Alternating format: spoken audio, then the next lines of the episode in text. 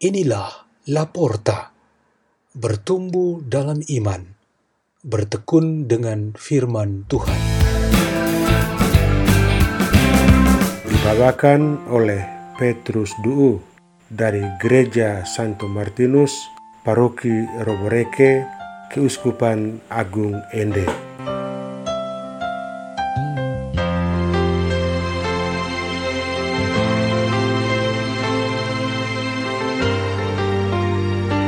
Bacaan dan renungan Sabda Tuhan hari Jumat Pekan Paskah kedua tanggal 16 April 2021.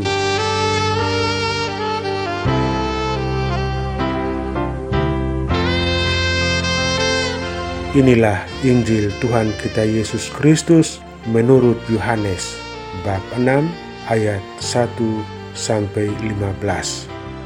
Pada waktu itu, Yesus berangkat ke seberang Danau Galilea, yaitu Danau Tiberias. Orang banyak berbondong-bondong mengikuti Dia karena mereka melihat mujizat-mujizat penyembuhan yang diadakannya terhadap orang-orang sakit. Yesus naik ke atas gunung dan duduk di situ dengan murid-muridnya. Ketika itu, Pasca, hari raya orang Yahudi, sudah dekat. Ketika Yesus memandang sekelilingnya dan melihat bahwa orang banyak berbondong-bondong datang kepadanya, berkatalah ia kepada Filipus, "Di manakah kita akan membeli roti sehingga mereka ini dapat makan?" Hal itu dikatakannya untuk mencobai dia sebab ia sendiri tahu apa yang hendak dilakukannya. Jawab Filipus kepadanya, Roti seharga 200 dinar tidak akan cukup untuk mereka ini, sekalipun masing-masing mendapat sepotong kecil saja. Seorang dari murid-muridnya, yaitu Andreas, saudara Simon Petrus, berkata kepadanya, "Di sini ada seorang anak yang membawa lima roti jelai dan mempunyai dua ikan. Tetapi, apakah artinya itu untuk orang sebanyak ini? Kata Yesus, "Suruhlah orang-orang itu duduk." Adapun di tempat itu banyak rumput, maka duduklah orang-orang itu, kira-kira lima ribu laki-laki banyaknya. Lalu Yesus mengambil roti itu, mengucap syukur, dan membagi-bagikannya kepada mereka yang duduk di situ.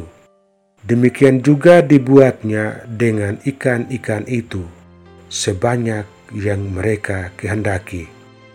Dan setelah mereka kenyang, ia berkata kepada murid-muridnya, "Kumpulkanlah potongan-potongan yang lebih." Supaya tidak ada yang terbuang. Maka mereka pun mengumpulkannya dan mengisi dua belas bakul penuh dengan potongan-potongan dari kelima roti jelai yang lebih setelah orang makan. Ketika orang-orang itu melihat mujizat yang telah diadakan Yesus, mereka berkata, "Dia ini benar-benar nabi yang akan datang ke dalam dunia. Karena Yesus tahu bahwa mereka akan datang dan hendak membawa Dia dengan paksa untuk menjadikan raja, ia menyingkir lagi ke gunung seorang diri. Demikianlah Injil Tuhan.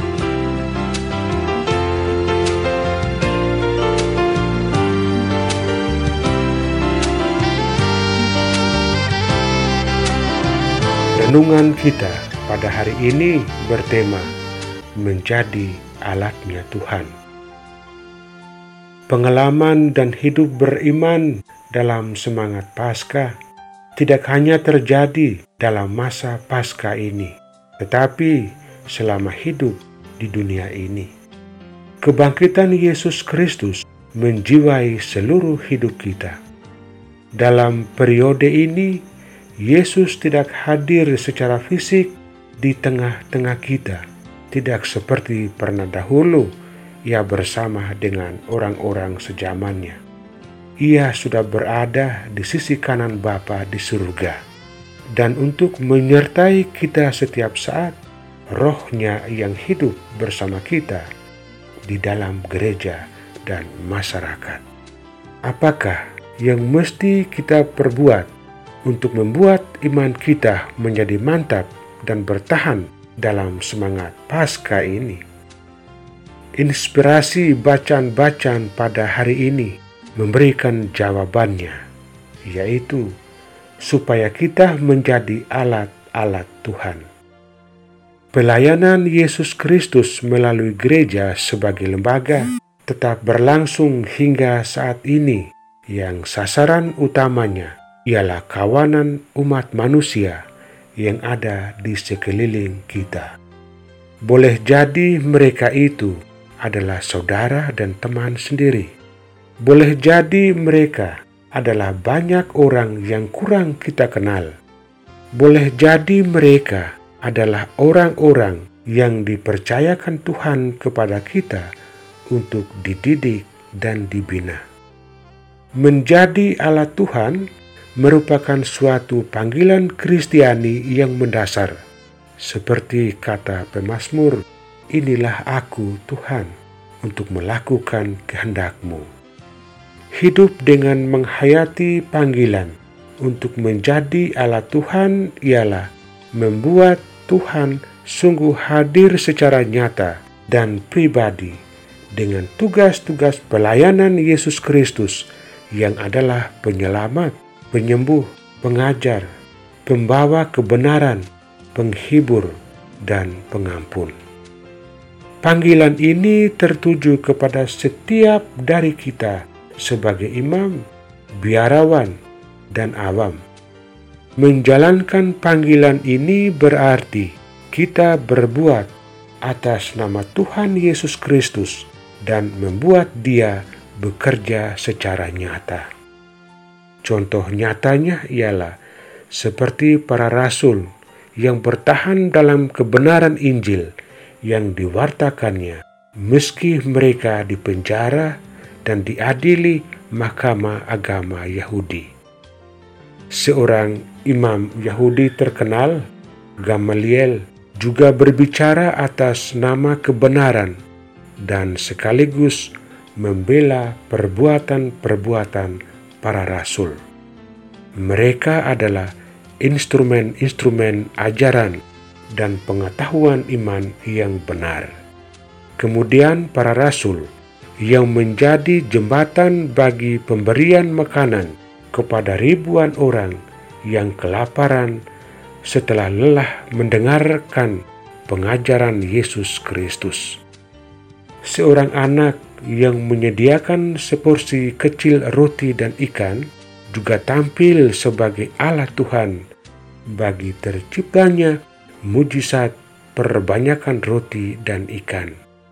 Mereka adalah instrumen-instrumen kemurahan Tuhan bagi kebutuhan ragawi manusia. Kita dapat menjadi alat-alat Tuhan dalam kondisi dan kemampuan setiap pribadi atau kelompok masing-masing. Semua itu bergantung pada kesediaan kita. Marilah kita berdoa dalam nama Bapa dan Putra dan Roh Kudus. Amin. Ya Allah Maha Murah, perkuatkan kami supaya kami dapat menjadi alat-alatmu yang benar dan berguna, terutama bagi sesama kami. Salam Maria penuh rahmat, Tuhan sertamu, terpujilah engkau di antara wanita, dan terpujilah buah tubuhmu Yesus. Santa Maria Bunda Allah, doakanlah kami yang berdosa ini, sekarang dan waktu kami mati. Amin. Dalam nama Bapa dan Putra dan Roh Kudus. Amin. La porta, la porta, la porta.